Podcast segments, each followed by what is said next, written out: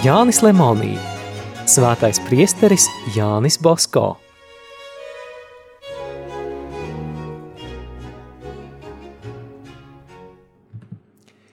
Trešās daļas devītā nodaļa.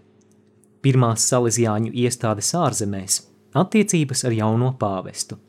No 1877. līdz 1878. gadam. 1877. gada 2. janvārī priesteris Bosko atkal devās uz Romu. Pīs 9. bija viņu lūdzis pārlabot kādas kongregācijas regulu Salesiāņu kongregācijas garā un gribēja divas kongregācijas apvienot vienā. Ilgais sarežģītais darbs aizņēma priesteri Bosko laiku ne tikai tad, kad viņš jau bija Romā, bet vēl veselu gadu. Trīs reizes Pīs 9. aicināja priesteri Bosko pie sevis. Pēdējo reizi 21. janvārī svētais tēvs bija saslimis – bet aicināja Jāni Bosko pienākt pie viņa gultas. Viņš ar to sarunājās veselu stundu. Pāvesta guļamistabas vienkāršība priesterī Bosko izraisīja apbrīnu.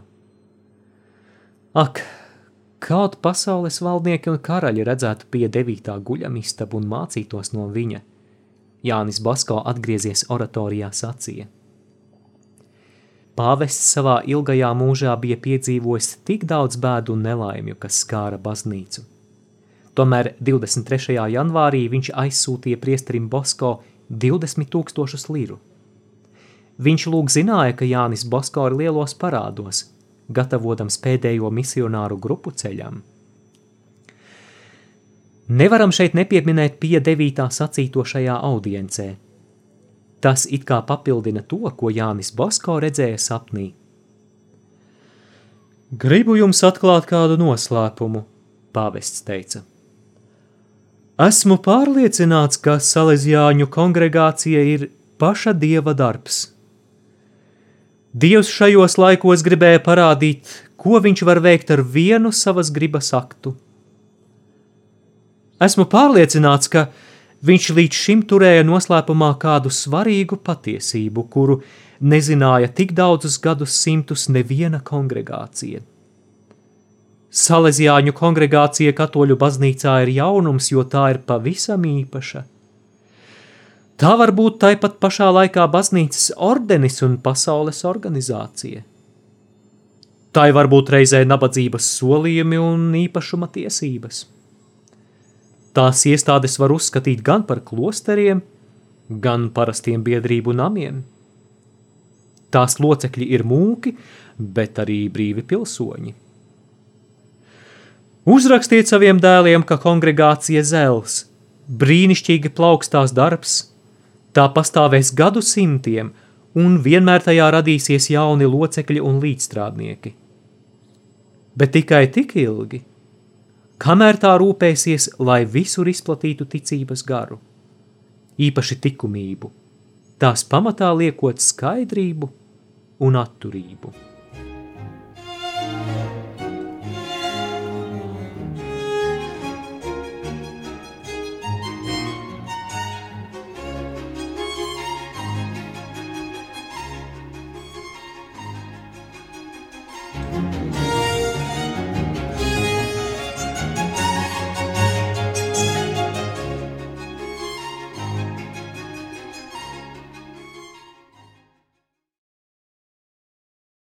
Priesteris Bosko atgriezās Turīnā tikai 4. februārī un nodzīvojis oratorijā neilgāk kā divas nedēļas, atkal izbrauca, šoreiz uz Franciju, apmeklēdams visas Rivjēras salīdzjāņu iestādes.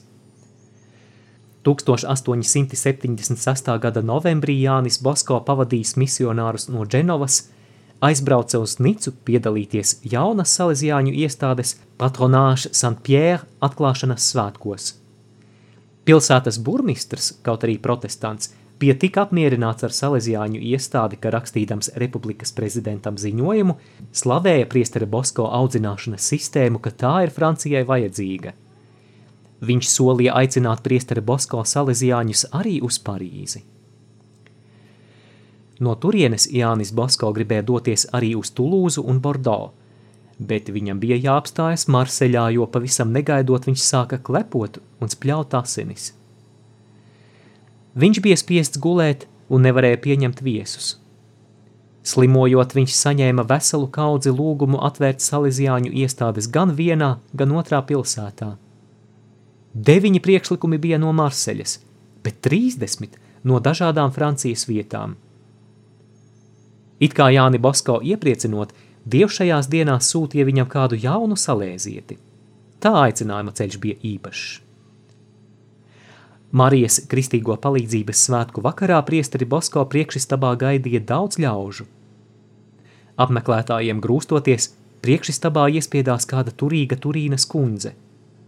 Pa pusē nesot, pa pusē vilkšus viņa ieveda kādu desmit gadus vecu meiteni Josefīni Lonžī. Meitene bija daļēji paralizēta – Viņa nespēja runāt. Māte, redzēdama, ka ārsti tikai rausta plecus un nedod nekādas cerības, sāka lūgt dieva palīdzību. Šai rītā atvedot meitenīti uz Salīzjāņu baznīcu, viņa ilgi lūdzās.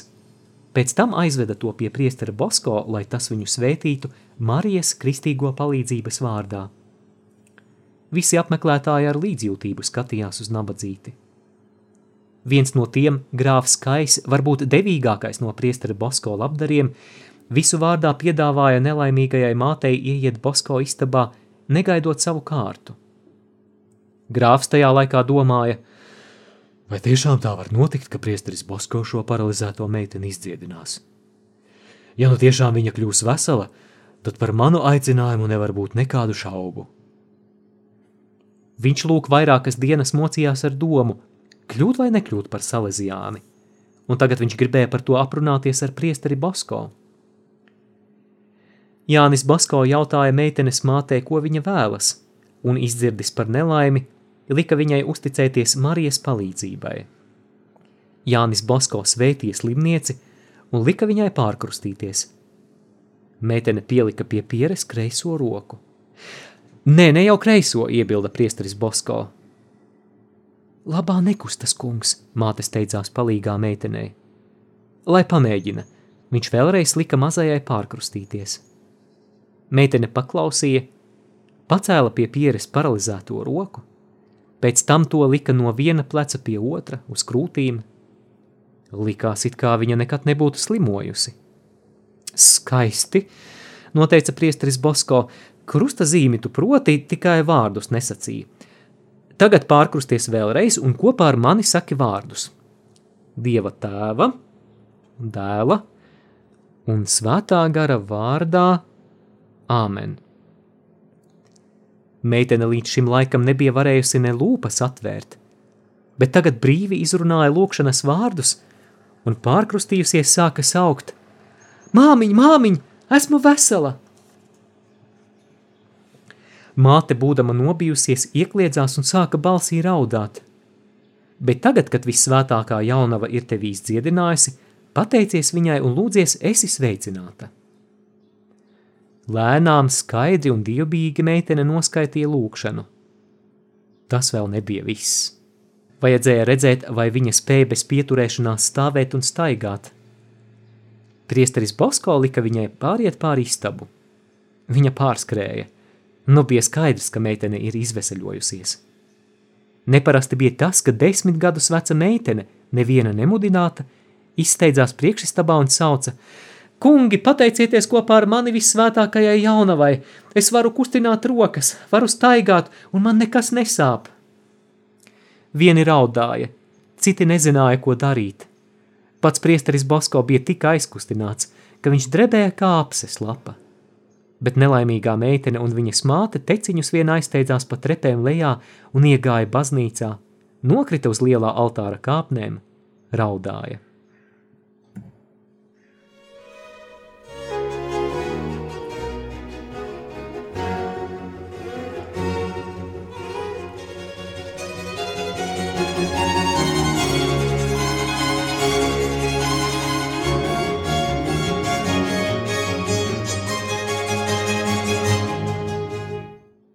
Grāfs Kais vairs nešaubījās par savu aicinājumu. Debesu karaliene liekas viņam pasacīja, no šī brīža tu esi salēzietis. Pie Basko viņš iegāja tikai tāpat. Biju atnācis, viņš teica, parunāt par savu aicinājumu. Es šaubījos, bet tagad jaunava pati man pateica, ko darīt. Ja priesteris Basko man atļauj, es jau tagad esmu salēzietis. Nāc un dzīvo, viņam teica priesteris Basko. Vairāk viņš šai brīdī nespēja pasakīt. 17. oktobrī grāfs uzvilka sutanu, bet nākamā gada 20. oktobrī Turīnas katedrālē viņu iesvētīja par priesteri. Viņam bija 66 gadi. Tajā laikā Romā svinēja 50 gadu jubileju kopš pāvesta pie 9. iesvētīšanas par bīskapu. Mūžīgajā pilsētā pulcējās kristieši no visas pasaules. Priesteris Basko aicināja pāvesta jubileju svinēt visās salesiāņu iestādēs un aizsūtīja uz Romu priesterus Giuliānu Barbērī un Giuseppe Lacero sveikt Kristus vietnieku salesiāņu kongregācijas vārdā. Vēlāk arī viņš pats ieradās Romā kopā ar Buenos Aireses arhibīskapu Aneiru, kas kopā ar dažiem citiem Argentīnas bīskapiem bija ieradies sveikt pāvestu. No Romas Jānis Basko šos augstos viesus pavadīja ceļojumā pa slavenākajām Itālijas pilsētām. Vēlāk visi kopā viņi atgriezās Turīnā. Oratorijas audzēkņi viņus svinīgi sagaidīja –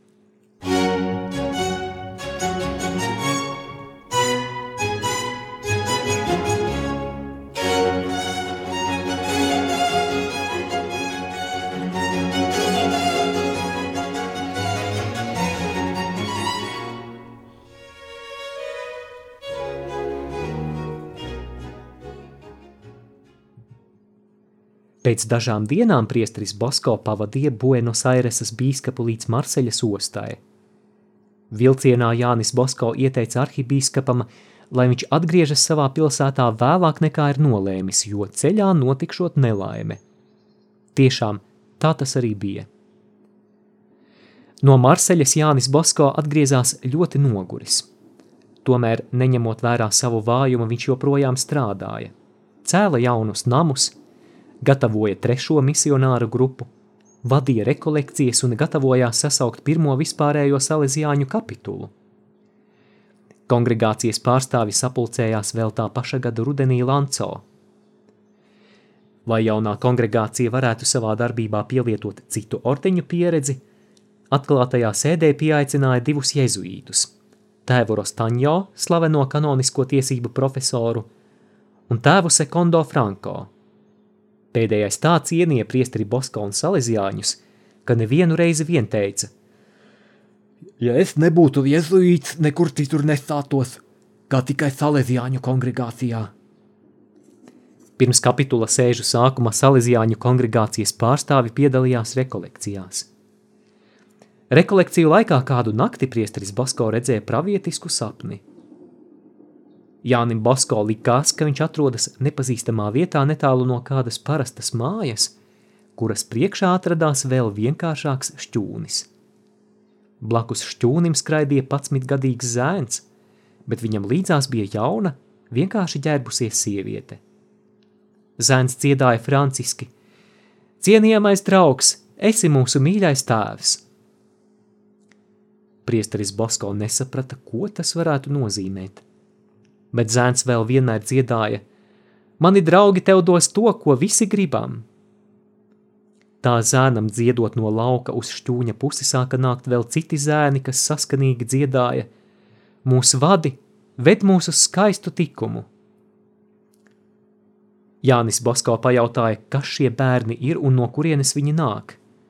Tie visi reizē atbildēja dziedādami: Mūsu tēvie, Marijas zeme. Kad bērni dziedāja šo dziesmu, sieviete paņēmusi aiz rokas to zēnu, kurš pirmais ar Jāni Basko bija runājis, pamāja citiem, lai tie viņam seko. Sieviete zēnu ieveda citā lielākā šķūnī, kas atradās netālu. Tam līdzās bija citi nami. Kad viņi bija pie tiem pienākuši, sieviete pamāja priestrim Basko un teica: Šie zēni ir tavi. Mani? Priestris Basko brīnījās – bet kā vārdā jūs man tos dodat? Šie bērni nav mani, ne jūsu, tie ir dieva. Kā vārdā, pasmaidīja sieviete. Tie visi ir mani dēli. Es tev tos atvedu.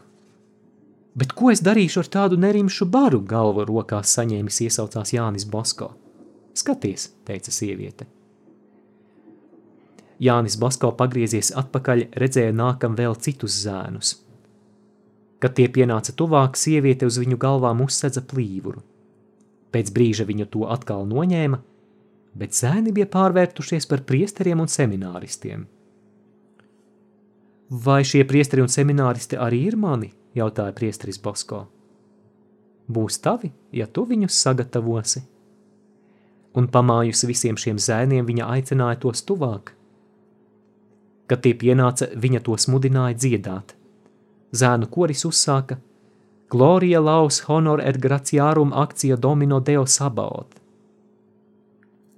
Priesteris Bosko, būdams vēl šīs dziesmas varā, pamodās –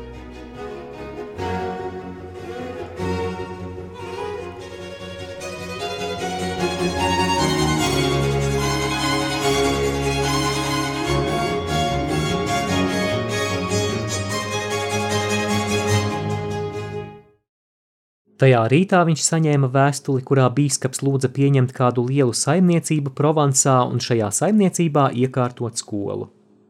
Jānis Bosko tūliņ piekrita, jo bija pārliecināts, ka to darīdams viņš izpildīs dieva gribu. Līdz tam laikam Bosko vēl nebija iekārtojis nevienu zemkopības skolu. Tā kā bīskaps gribēja, lai šo skolu atvērtu vēl tajā pašā gadā, Jānis Bosko nekavējoties devās turp, lai apskatītu zemes gabalu un ēkas. Kā viņš brīnījās, kad tuvāk piebraucis ieraudzīja ar puķu pušķi rokā pretim nākam to pašu zēnu, kuru bija redzējis sapnī. Tas vēl nebija viss. Vakarā tika sarīkota svinīga priestera Bosko sagaidīšana. Tas pats zēns dziedāja solo, skanēja sapnī dzirdētie vārdi.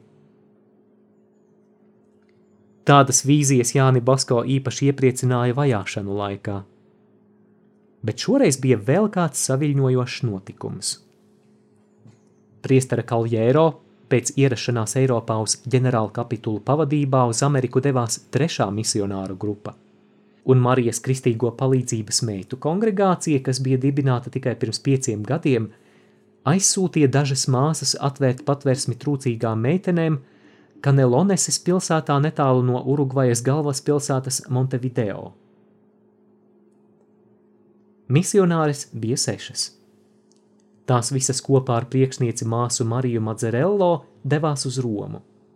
Pīs devītais sveitīja arī šos priestera Bosko saimes drosmīgos centienus.